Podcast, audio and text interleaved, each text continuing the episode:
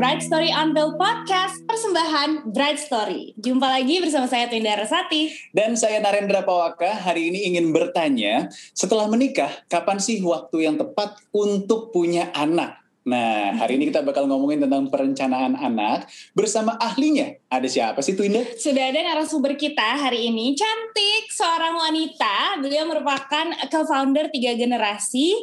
Langsung aja kita sambut Saskia Aulia Prima. Yeay! Halo Mbak Hai, hai ada hai Twinda. Iya, monggo Mbak Saskia. Dijawab pertanyaan pembuka kita. Kapan sih Mbak waktu yang tepat untuk punya anak setelah menikah? Aku dengar pertanyaannya langsung sakit perut loh, kapan itu ya? Jadi kalau gimana ya, kalau ditanya kapan tuh sebetulnya nggak ada exact time-nya gitu loh. Oh harus banget setelah nikah tuh harus punya atau nanti setahun lagi, dua tahun lagi gitu. Kita kayak nggak ada yang tahu sebetulnya. Tapi sebetulnya eh, kapan kita punya tuh tergantung lagi kesiapan antara kita berdua. Jadi antar pasangan. Ya walaupun kadang-kadang kejadian kita rencananya kapan keluarnya kapan gitu ya. Betul. Iya, iya, iya, itu betul. betul. Nah, eh, kemarin kan kita waktu sebelum merencanakan pernikahan ini sempat Hmm. yang duduk terus ngobrol gitu Mbak. Eh, Ini gimana ya nanti ke depannya nih setelah nikah kita mau punya anak apa enggak, mau punya anak berapa, terus kapan mau punya anak, terus kalau anak kayak kembar tuh gimana, yang kayak gitu-gitu tuh udah kita obrolin sebelum Hmm. nikah. Tapi tuh aku jadi wondering gitu, sebenarnya yang kita lakuin itu udah benar apa belum? Dan cukup nggak sih pertanyaan-pertanyaan kayak gitu? Atau sebenarnya Oh, oh Twinda, sebenarnya masih banyak nih yang mestinya kamu bahas jauh sebelum eh, menikah gitu. Oh, Gimana tuh Mbak? Kalau itu sih udah pasangan canggih banget ya dari sebelum nikah tuh udah diomongin gitu. Itu yang sebenarnya kita selalu suggest uh, as a professional tuh aku selalu ngomong kalau misalnya sebelum nikah kayak dulu sama aku tuh masih pacaran juga ngomong nanti mau punya anak nggak kira-kira kapan gitu dan sebenarnya banyak bener pertanyaan kayak uh, Twinda tadi bilang gitu. Jadi mungkin nggak terbatas kalau nanti anaknya kembar gimana, kalau nanti misalnya jaraknya pendek gimana, terus kapan punyanya, tapi juga kira-kira persiapan finansialnya tuh kayak gimana. Karena kan pasti berubah ya pada saat kita cuman berdua sama kemudian kita mikirin mau mau mulai punya anak deh dari mulai kita kontrol dokternya dan lain sebagainya itu kan udah ada biaya tambahan di situ. Terus kemudian kayak ngebahas juga nih masing-masing waktu kita kecil itu tuh pola asuhnya gimana sih sama orang tua. Mungkin kita udah beberapa hal tahu ya, tapi kayak in general tuh kayak gimana. Terus yang mana sih yang dirimu berdua tuh mau ambil diterapkan nanti ke anak. Jadi pola asuhnya tuh bakal seperti apa bayangannya gitu. Eh, sebagai contoh, dulu aku eh, pernah ngobrol sama eh, suamiku gitu ya waktu sebelum menikah sih. Pas udah menikah juga kebetulan kita tuh rencananya maunya tahun depannya gitu hamil aku. Tapi ternyata hamil duluan gitu kan pas baru berapa bulan gitu. Nah waktu itu eh, eh, suamiku ini tuh dia dia hubungannya sama orang tuanya cenderung hangat. Tapi mungkin eh, nggak terlalu banyak ngobrol lah. Maksudnya biasa aja gitu. Dan dia melihat kalau aku sama papa mamaku tuh ngobrol banget gitu. Dan dia lagi bingung menentukan kalau jadi suami itu sebenarnya peran nanti sebagai ayah tuh bagusnya kayak gimana ya? Karena dia kan selalu dengar dari mungkin karena istrinya psikolog ya jadi peran ayah tuh penting gitu ya kan? Terus akhirnya salah satu yang aku lakukan adalah supaya dia paham coba deh dia eh, ngobrol sama teman-temannya dia yang kelihatannya kedekatan sama ayahnya tuh lengket banget. Terus jadi dia bisa dapat insight kira-kira wah oh anak-anaknya pada begini nih eh, efeknya gitu dan kira-kira sebagai ayah apa sih yang bisa kamu bantu jadi pembagian tugas juga bisa diobrolin juga dari sebelum kita eh, bener-bener punya anaknya gitu jadi banyak banget sebenarnya dan eh, kalau di fase tuh Indama Eda gini masih banyak banget yang bisa diekspor untuk nantinya persiapan jadi orang tua gitu Hmm, Oke. Betul, berarti kalau dari Mbak Saskia itu setuju kalau sebelum menikah sebaiknya dibicarakan dulu tentang perencanaan anak. Dan tadi beberapa poinnya yang harus dibicarakan adalah pola asuh dan juga finansial nih, harus mawas finansial. Oke, eh, Mbak Saskia, gimana sih kalau tiap pasangan itu tahu kalau mereka udah siap atau belum untuk Nah. memiliki anak? Ya kan? itu tuh Iya. itu yang aku juga wondering gitu. Turning pointnya apa? Turning pointnya apa sebagai wanita tuh kita yaudah deh kita punya anak. Oke, I'm ready. Kapan kita bisa bilang I'm ready tuh kapan? Ya kita tuh pinginnya kalau ready tuh kayak udah 100% ready ya. Jadi nggak ada sesuatu yang nanti disesali gitu. Nah tapi hmm. memang kalau dalam hal kita mau punya anak sama kayak kita mau persiapan menikah. 100% kita siap banget tuh sulit gitu. Jadi uh, paling enggak ada beberapa hal lah yang kita bisa hitung. Oh ini mungkin aku siap. Misalnya uh, kita udah siap nih. Uh, ya kalau secara teknis balik lagi. Secara finansial kita siap gitu. Terus secara uh, misalnya pengaturan kerjaan. Kalau kita mau terutama perempuan. Kalau kita mau hamil itu kan kita nggak bisa kerjanya terlalu banyak banget gitu ya. Jadi harus ada porsi yang dikurangin karena itu ngaruh juga nih ke fisik gitu. Jadi kapan nih kita sebagai apalagi aku dulu hobi banget kerja gitu ya. Jadi harus tahu nih uh, when to stopnya belajar istirahat gitu. Terus juga kita udah siap belum sebagai uh, individu dan pasangan mengurangi kebiasaan buruk yang mungkin mengganggu buat kesehatan gitu. Kayak waktu kita masih sendiri kan oke okay, misalnya uh, makan minum apa aja tuh uh, bodo amat gitu ya atau lifestyle yang lain gitu. Nah, tapi kalau kita kita mau punya apa mau punya momongan gitu kan. Bahkan yang mungkin cuman sekedar uh, ya cuman mie instan aja gitu ya itu kan harus dua-duanya bareng-bareng gitu. Nggak nggak semuanya uh, nggak nggak bisa kayak oh istrinya aja yang nggak mau makan sesuatu yang nggak sehat tapi uh, suaminya juga mau gitu loh. Jadi itu kan dua-duanya juga harus siap gitu. Terus kapan sih kita uh, ngerasa kita udah siap nih uh, membagi kasih sayang kita lagi terhadap satu makhluk lagi gitu. Karena kan kalau biasanya kalau misalnya pengantin baru baru awal-awal kita lagi adjust berdua. Nanti tuh ada satu makhluk lagi. Soalnya sering juga ada yang aku pengen punya anak karena sepi. Abis itu keramaian dia bingung gitu. Jadi itu tadi kayak dari mulai lifestyle terus kita udah punya uh, udah pingin belum nambah kewajiban baru terus kita udah mau belum adjust sama tanggung jawab tanggung jawab kita dan secara kapasitas finansial menurut kita udah cukup lah gitu untuk ada satu lagi lagi nih uh, orang di dalam rumah tangga kita. Atau mungkin kalau kembar tadi lebih dari satu ya. Jadi itu sih general iya iya benar-benar oke okay, jadi artinya ya benar-benar find the right reason to have kids mm -hmm. tuh ya bukan karena aku sepi atau aku peer pressure aku kayaknya aku teman-teman yang hamil apa yang nikah setelah aku kok udah pada hamil ya. Aku juga hmm. pengen deh. Jadi deh kita uh, apa bikin apa perencanaan buat anak gitu. Yeah. Padahal sebenarnya balik lagi ke kitanya sebagai orang tua udah siap belum dan udah menemukan reason yang pas belum untuk oke okay, we're going to share our love to this new little human. Betul. iya. Udah siap punya kembar. Iya, iya. Kenapa sih emang kita bisa memilih kembar cerita dikit? Iya iya. Jadi kan emang aku kan kembar ya Mbak Saskia. Hmm. Terus dari itu eyangnya uh, Mas Eda tuh juga kembar. Eyang oh. Buyut, gitu. Yeah. Jadi lumayan gede nih gen kembar di keluarga kita. Jadi kita tuh sering banget setiap kali ketemu sama uh, tante-tante atau eyang gitu. Pasti kayak gimana? Udah siap belum? Kembar dua apa kembar empat? Kembar empat sih gemes tapi pusing juga ya. Amin. Amin aja. Amin amin kan uh, itu balik lagi ya kalau bisa kita kembar empat ya om tante mohon jangan cuman doa tapi ya mohon sumbangannya juga dan energi. betul. Betul the more the merrier ya. Iya itu dia. Nah balik lagi mbak. Kan dari kita uh, share cerita tadi itu berarti menandakan bahwa memang situasi tiap pasangan tuh beda-beda. Tergantung dengan um, situasi keluarga besarnya itu juga berpengaruh uh, pekerjaannya itu juga berpengaruh.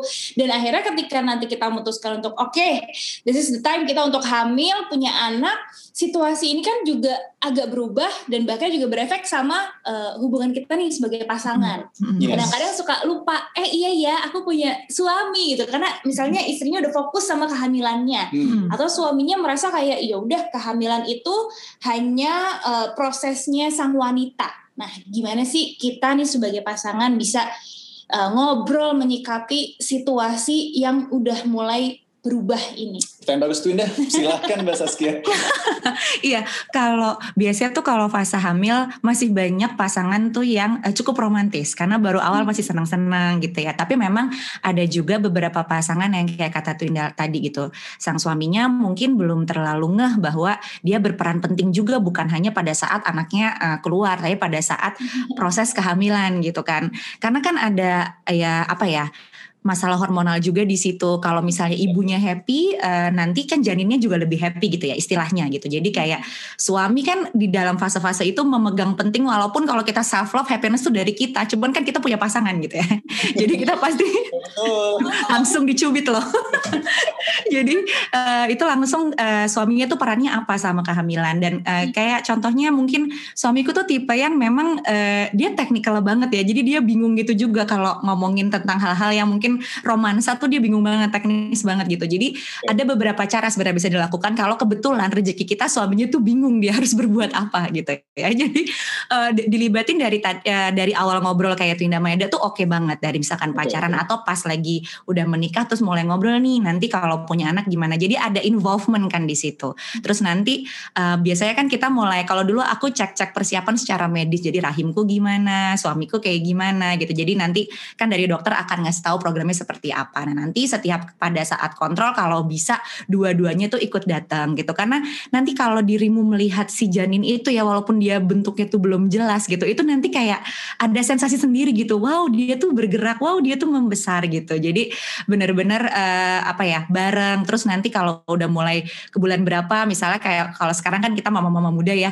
scrolling scrolling ada baju lucu banget nih gitu apalagi kalau persiapan kembar gitu kan udah kebayang ke mana-mana gitu ya pinginnya kamarnya kayak apa jadi hal-hal yang teknis itu dilakukan bersama kayak dekorasi kamar kemudian milih baju dan juga itu yang diomongin sama keluarga besar gitu tadi kan kata tuh Indah e, jangan cuman e, selamatnya aja yang besar tapi bantuannya juga besar gitu ya jadi maksudnya adalah misalnya kalau kita kepingin supaya nggak terlalu banyak kadang kan yang namanya keluarga besar tuh pingin aja terlibat kan uh, untuk membantu kita dan nggak semua bantuan untuk kita nyaman. Nah, simpan hal yang krusial untuk Twinda dan Eda sendiri. Kemudian uh, para mama papa dan keluarga besar coba uh, dikasih tugas lain yang asik tapi mereka nggak terlalu nyibukin hal-hal yang penting. Kayak misalnya kalau dulu mamaku beliin baju dia aja dia terserah gitu. Karena dia kayak suka banget gitu. Atau kayak dia okay, bisa mencari termos di pada masa waktu aku bayi gitu kan udah nggak ada termosnya. Tapi karena dia suka ya udah biarin aja gitu. Jadi ada hal-hal yang menurut kita nggak terlalu krusial tapi mereka punya peran. Gitu sih intinya Oke, okay, aku simpulin dikit. Aku aku sambil nyatet di sini ini penting banget buat aku sendiri juga ya. Mm-hmm. Jadi yang pertama adalah libatkan di obrolan bersama, ada involvement. Yep. Terus jangan lupa untuk cek medis supaya nanti lama-lama akan uh, tumbuh tuh sense of belonging. Kita mulai makin hangat keluarga. Berempati. Betul uh. gitu. Terus yang ketiga adalah melakukan uh, segala macamnya itu bersama. Segala macam dalam artian yang uh, terkait sama babynya juga gitu. Yeah. Dekorasi, belanja-belanja atau uh, segala macam kegiatan uh, yang bisa mengeratkan hubungan orang tua calon orang tua ini. Dan yang keempat adalah kasih tugas untuk keluarga terdekat. Nah itu supaya kita juga sebagai ibu nggak mumet gitu ya ngurusin aduh kadang-kadang soalnya kan pasti beda ya mbak ya yang namanya parenting hmm. now sama parenting dulu itu pasti udah mulai ada perbedaan gitu ya yes makasih Twinda hmm. sudah menyimpulkan hmm. tadi obrolannya seru nih tentang hormonal istri mbak Saskia Twinda aku pengen tanya ke Twinda dulu kan uh. Twinda juga dokter uh. yang kamu tahu saat ini mengenai hormonal istri saat dia hamil hmm. itu seperti apa sih Twinda? Wow, Mbak Saskia kita ditanya hormon. Iya, soalnya itu kan tadi kan ngomongin figur suami juga. Ini menuju calon suami yang baik. Ya oke, okay. menuju ya. calon suami yang baik ya. Jadi emang kalau misalnya pregnant tuh emang hormonnya tuh um, terjadi perubahan besar ya hmm. dalam tubuh seorang uh, wanita. Bahkan kadang-kadang ada beberapa wanita tuh yang sampai uh, takut untuk hamil karena banyak sekali perubahan yang terjadi. Nggak cuma dari hormon tapi juga fisik gitu. Fisiknya mungkin kulitnya jadi oh mulai muncul stretch mark, oh okay. mulai muncul uh, bobot badan yang lebih ber, uh, yang berlebih gitu. Hmm. Itu juga menimbulkan ketakutan. Dari segi hormonnya sendiri uh, pasti yang berperan uh, gede tuh di kehamilan tuh adalah estrogen dan uh, progesteron ya. Hmm. Itu kayaknya semua wanita tuh udah aware sama yang namanya hormon itu. Yeah. Itu tuh bisa um, itu kedua hormon itu dan masih banyak hormon lainnya itu memang mempersiapkan untuk kehadiran si buah hati. Tapi nggak sedikit dia menyebabkan kita wanita menjadi lebih emosional ya. Oh.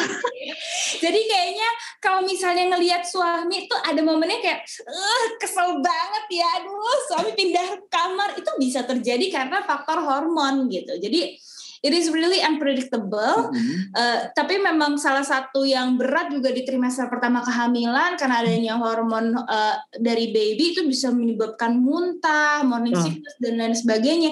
Itu cobaan berat juga tuh buat uh, wanita. Jadi okay. Uh, sebagai uh, calon mama-mama di luar sana semangat ya nah, ini dari ceritanya Twinda, bener nggak sih? Maksudnya Mbak Saskia mungkin udah pernah mengalami, boleh share juga nggak sih Mbak? Waktu itu gimana cara menanggulanginya, suaminya seperti apa saat menanggulangi istrinya lagi hormonal stres gitu kan?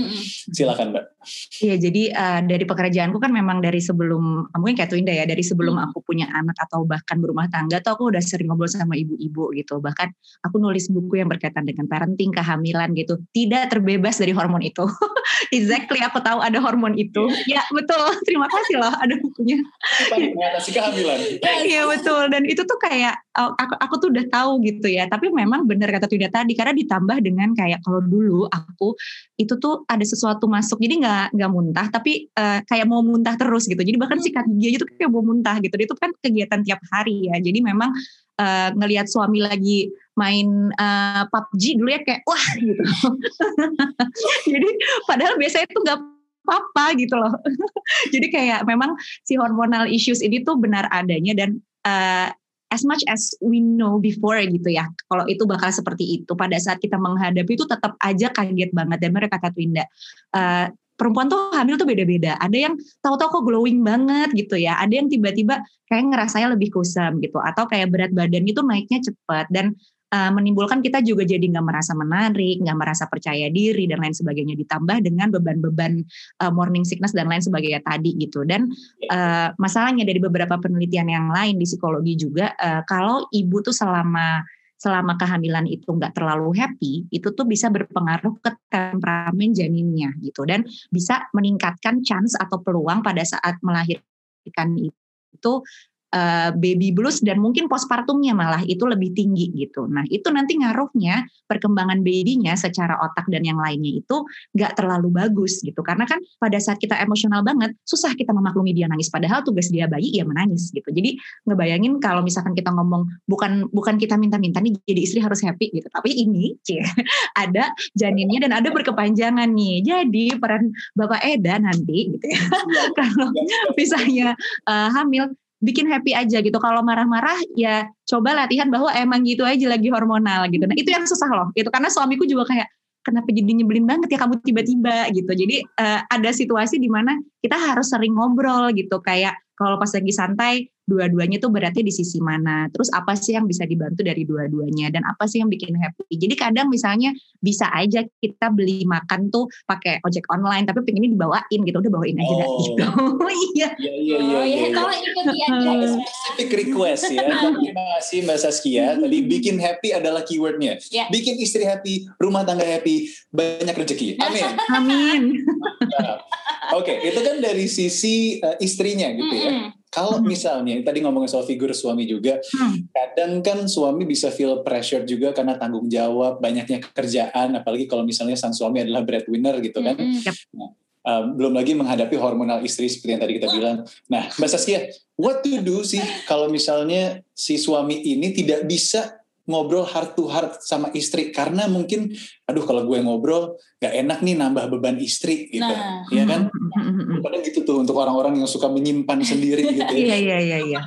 Iya, iya itu uh, mungkin yang pertama kalau kita berumah tangga itu jangan ada rahasia apa pun gitu. Jadi maksudnya rahasia yang kita maksudkan untuk sesuatu yang baik atau yang tidak baik gitu ya. Jadi uh, sebenarnya kita memang sering banget mikir nanti nambah-nambahin beban gitu. Nah ini memang uh, tantangan buat teman-teman yang biasa melakukan semuanya sendiri gitu. Dan itu uh, yang harus dibagi, yang harus di-share sama pasangannya. Nah tapi uh, bagaimana caranya? Mungkin kalau misalkan suami itu juga punya tantangan pada saat uh, istrinya hamil, karena kan nggak semuanya langsung percaya diri nih, wah akan ada nambah beban secara finansial, wah aku bisa nggak jadi suami yang baik, wah aduh ada bayi bisa nggak nanti jadi ayah yang baik. Jadi kayak sebenarnya tuh juga tremor gitu semuanya dia bingung gitu. Nah pada saat itu ya mungkin kalau misalnya kita ngomong di area suaminya dulu gitu ya kita kalau punya dan sama sih sama sama istri juga kalau kita punya perasaan yang gak nyaman itu kita duduk dulu aja dirasain. Jangan langsung di skip atau kayak ah ini pikiran gue negatif. Takutnya nanti meledak di uh, hari-hari lainnya. Jadi dirasain dulu sampai udah emosi kita agak netral mungkin kita bisa mikirin apa menuliskan hal-hal apa sih yang jadi kecemasan kita gitu. Nanti kalau udah lihat nih waktu di mana misalnya uh, si pasangan ini kayaknya dua-duanya lagi bisa ngobrol. Nah, uh, coba mungkin kalau misalnya yang lebih bawel istrinya kayak aku gitu ya. misalnya aku yang tanya gitu. Jadi biasanya ada situasi aku ngobrol kayak eh kamu gimana hari ini gitu. Jadi nanya-nanya kabar bukan nanyain kerjaan. Terus kayak eh kita uh, gimana nih persiapan baby? Kamu ada yang bikin kamu deg-degan nggak? Jadi ngobrol satu-satu kadang harus ada salah satu yang memang mancing gitu untuk nanti ditambah lagi pancingannya ditambah lagi dan setiap hari. Supaya kita makin hafal nih cara diskusi antara kita dan pasangan. Jadi menurunkan baper-baper yang ya pasangan gue emang kalau ngomong tuh kayak gitu gitu. Bukannya dia uh, jahat tapi kayak emang cara dia ngomong tuh kayak gitu. Nah itu yang perlu dilakukan harian supaya makin terbuka juga. Dan kalau pasangan kita sudah terbuka dengan strugglesnya uh, mungkin perlu diapresiasi ya karena kadang kita tuh ngomentarin sesuatu yang jelek kayak kamu sih nggak perhatian tapi giliran dia iya. perhatian kita nggak ngomong gitu. Iya, iya, iya jadi itu sih in general. Iya iya. Sebenarnya kalau misalnya uh, aku bisa simpulin berarti kayak daily temperature readingnya tuh bener-bener harus jalan ya. Jadi tiap hari uh, daily ya kita ngobrol lihat dulu nih suasana uh, temperat temperamennya dia lagi di arah mana nih oh dia kayaknya lagi hmm. mumet ya oh kayaknya dia lagi happy ya gitu yeah. kita bisa uh, komunikasi dengan baik lewat daily temperature reading ini nah hmm. tadi kita udah ngomongin persiapannya kemudian yes. saat kehamilannya terjadi banyak perubahan gitu. yes. nah sekarang nih anaknya udah lahir ceritanya kalau anaknya udah lahir tapi kadang-kadang yang namanya um, newly parents yeah. newly parents tuh kadang suka sibuk ngurusin anaknya sampai akhirnya lupa gimana caranya menjadi hmm. suami istri yang baik hmm. gitu. Kadang-kadang malah kayak uh, suami mau berangkat yang dicium anaknya doang. Eh istrinya ketinggalan. Hai, halo, aku juga mau gitu ya kan. Kadang-kadang itu suka terjadi tuh. Nah, itu menurut Mbak Saskia kayak gimana tuh harusnya? Ya itu bener banget sih. Uh, makanya mungkin uh, salah satu prevensi prevention yang bisa kita lakukan tuh bagi-bagi tugasnya tuh gimana gitu. Itu yang harus hmm. disepakati dulu. Itu aja pasti nanti ada prahara tuh. Jadi kalau kan kalau misalkan sering dengar baby blues ya gitu, aku iya. rasa yeah. uh, aku tuh cukup percaya bahwa setiap perempuan tuh punya intensitas baby bluesnya sendiri-sendiri. Jadi kalau nol banget mungkin enggak ya. Pasti jadi ibu tuh kita akan nangis entah di hari pertama, dua minggu kemudian atau kapan tuh pasti ada gitu. Jadi yeah, itu pasti yeah. terjadi dan uh, waktu awal-awal tuh kita bingung kan kayak kalau waktu di kalau kejadian biasanya sih kalau di rumah sakit tuh bayi kayaknya tuh uh, aman gitu begitu dibawa pulang karena udah nggak ada suster nggak ada dokter semuanya terjadi gitu kan. Nah itu di situ memang biasanya kita panik gitu kayak aduh ini gimana? Belum kayak uh, ada beberapa suami yang kan kita sering dengar uh, sleep like a baby ya kayak I want to sleep like my husband deh. Kayaknya kalau ada geledek tuh dia biasa aja bayinya yang bangun gitu. Jadi itu uh, oh ternyata beda gitu ada hal-hal yang mungkin suami emang harus dibangunin dan lain sebagainya. Jadi kalau buat aku memang pembagian tugas ngobrol itu penting dan uh, ngobrol ini di awal-awal juga uh, sama ini sih inisiatif terutama inisiatif suaminya gitu ya dalam membantu bisa ngerjain apa. Karena memang kita sebagai ibu-ibu tuh sering banget occupied sama anak yang dipikirin tuh kita nyusuin kita megangin dia lupa istirahat. Mungkin kayak dulu suamiku sampai pernah yang kamu pergi ke supermarket dulu gih ini aku pegang gitu. Karena kayak aku occupied banget terus jadi sering marah-marah. Jadi kita ngelihat pasangan kita tuh kalau misalnya udah mulai under pressure dan marah-marah banget, mungkin saatnya kita ambil tuh responsibility-nya dia sedikit gantian, kasih me time, nanti kita balik lagi. Jadi lebih kalau kita sering bareng, kalau kita sering ngobrol dan berkegiatan bareng, itu nanti sensitivitas to each other tuh akan semakin tumbuh. Jadi tahu harus berbuat apa karena challenges pasti bakal ada di sana dan pasti bakal terus-terusan gitu. Oke, okay, makanya ngobrol antar sesama ya itu penting. Oke, okay, ini kan bayinya juga udah lahir, yeah. tapi aku mau rewind dikit ke tentang pola asuh. Mm. Kalau misalnya tentang pola asuh itu Mbak Saskia, itu penting nggak sih dibicarain sebelum si bayi itu lahir? Oh, ya yeah. kan? Pola mm. asuh tepat itu seperti apa dan kadang um, dapat masukan juga dari keluarga, teman-teman atau sosial media gitu kan tentang pola asuh banyak banget nih, tapi belum tentu cocok sama pasangannya. Itu seperti apa untuk memilah-milah dan juga menyesuaikan, Mbak Saskia? Silahkan. Benar-benar, menurutku itu penting banget diomongin karena itu salah satu kunci kedamaian dunia. Kita mengurangi hal yang berbeda, ya kan? Kunci kedamaian dunia luar biasa. Iya, iya, karena kan kita kadang punya bayangan, oh nanti kalau punya anak, kita maunya anaknya gimana? Jangan-jangan bayangan pasangan kita berbeda. Jadi pada saat kita menjalankan pengasuhannya, lah kok dia begini gitu. Nah ini yang jadi iya. tambahan friksi kan di situ. Jadi kalau buat aku uh, diomongin dan balik lagi tadi kayak kata Eda, cocok-cocokan. Jadi menurutku nggak ada yang 100% benar atau 100% salah gitu ya.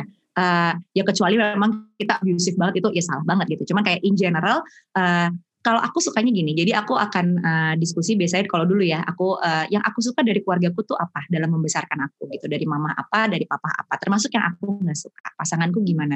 Nah kita maunya membangun kingdom kita ini yang kecil ini seperti apa ya, dan kita mau nanti mungkin uh, karena aku ngeliat Yunda Maeda kayaknya udah futuristik banget ya, bahkan aku tuh dulu sampai mikirin, dulu aku kira tuh aku cemasan sendiri gitu, sampai aku mikirin, oke okay, nanti kalau anakku sekolah tuh kira-kira uh, aku tuh mau dia jadi orang kayak apa gitu. Terus bahkan dari hamil aku mencari lah sekolah tuh calon-calonnya seperti apa gitu. Jadi sama banget nih mbak.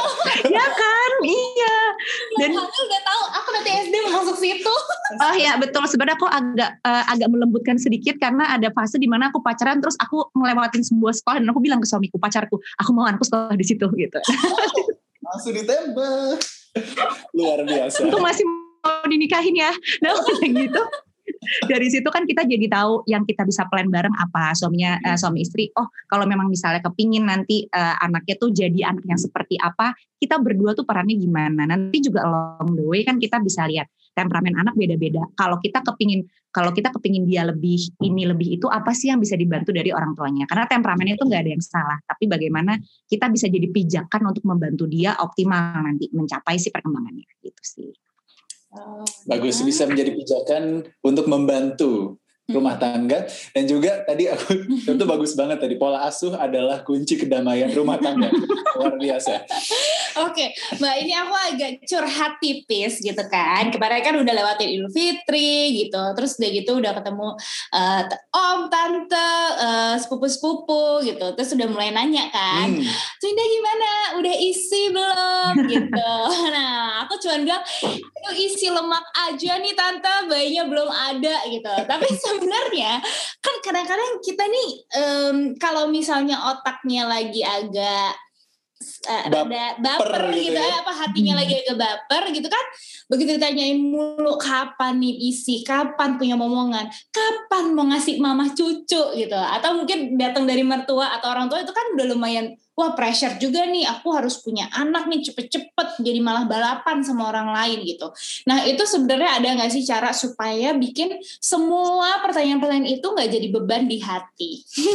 Diketawain Mbak Saskia iya soalnya itu tuh never ending questions gitu nanti punya satu tambah lagi. Jadi kayak pasti ada gitu kan dan uh, satu hal mungkin yang semua orang udah tahu dan ku pelajari cukup apa ya uh, panjang gitu adalah uh, pikiran perilaku dan perasaan orang lain itu bukan milik kita gitu kan jadi uh, agak susah kalau kita kepingin dunia kayak ngerti bahasa basi itu harusnya gimana apalagi Uh, mungkin itu cara mereka menunjukkan perhatian gitu. Jadi nggak 100% salah. Kalau aku sih, kalau perasaan kita lagi bener-bener apa ya acak kadut jadi kita nggak bisa mikir uh, waras gitu kan. Jadi kalau tadi kan istilah mak aja ini tante gitu. Tapi biasanya kalau lagi baper kan kayak ada gitu kan. Nah itu uh, pertama kita emang harus uh, kita harus kompakan sih sama suami kita bilang gitu misalnya ya kayak uh, nanti ini kalau acara keluarga uh, kayaknya aku lagi bete. Boleh nggak yang kayak gini-gini kamu aja yang jawab gitu. Nah terus uh, kalau bisa hindari lah pihak-pihak yang hobi banget nanyain kayak gitu kalau bisa gitu. Jadi kalau kalau kalau lagi situasi pandemi kayaknya lebih bisa dihindari ya gitu. Uh, karena kan pertemuannya jarang orang gitu. Dan kemudian juga uh, coba siapin jawaban-jawaban yang kayak ya sebenarnya kayak tadi yang kayak cuman uh, sambil lalu aja penting dijawab gitu. Atau kalau misalnya mau suka ngobrol ya tanya-tanya aja balik eh tanya-tanya tipsnya dari tante, om atau papa, mama kayak eh tapi gimana sih biar ini biar itu? Jadi sekalian biar ngobrol gitu. Sama ya tadi tadi kita mikir bahwa uh, ya memang sering kali itu bentuk perhatian orang udah lama nggak ketemu terus kayaknya excited. Nah yang yang sering kali di zaman sekarang tuh hitungannya minor aggression kan sebenarnya. Hmm. cuman kan tergantung lagi bagaimana kita bisa mengatur mengendalikan pikiran perasaan dan perilaku kita. Karena yang punya kita cuman itu yang lainnya bukan punya kita. Gitu sih. hmm. Jadi siap tuh Winda kalau ditanya lagi ya. Yeah. Doain aja Om Tante semoga secepatnya. Iya betul. Oke, okay. uh, eh, ini ngomongin tentang perbedaan keinginan Mbak Saskia. Hmm. Kalau misalnya ada kondisi di mana suami udah pengen banget nih punya momongan, tapi hmm. istri hmm. belum siap atau hmm. sebaliknya. Hmm. Nah itu kan keadaan seperti itu lumrah ya di rumah tangga ya. Nah gimana sih tips and triknya atau saran dari Mbak Saskia untuk berdiskusi ketemu di tengahnya secara kepala dingin? Itu gimana Mbak? Iya, uh, itu emang ada beberapa kasus sih kayak gitu ya. Uh, bahkan kadang-kadang tuh yang kalau misalnya ternyata udah toto hamil gitu, padahal pinginnya kapan gitu kan. Nah kalau itu sih biasanya kalau kita mau ngobrol karena pinginnya kepala dingin, berarti dua-duanya harus lagi dingin. Uh, kalau secara teknis psikologis sih bilangnya uh, coba cari waktu di mana dua-duanya nggak capek, lagi nggak terlalu banyak beban pikiran. Terus ngobrolnya di sofa yang empuk, tempat yang nyaman, ada cemilan yang menyenangkan. Jadi kayak uh, ngomongnya eye to eye gitu kayak sambil lihat-lihatan jangan jangan ada yang lebih tinggi gitu eye levelnya. Uh, gemes banget. Nah terus barulah uh, misalnya kita ajak ngomong uh, dulu eh menurut kamu misalnya ya kita ngajak ngomong sehari-hari dulu. Baru kayak eh by the way itu aku tuh kepikiran deh uh, udah kepingin nih kayaknya punya anak. Menurut kamu gimana? Tanya dulu. Dan nanti ditanya juga kalau misalnya nggak siap tuh ketakutannya apa? Ketidaksiapannya tuh karena apa? Nanti kan dari situ bisa ketemu alasannya.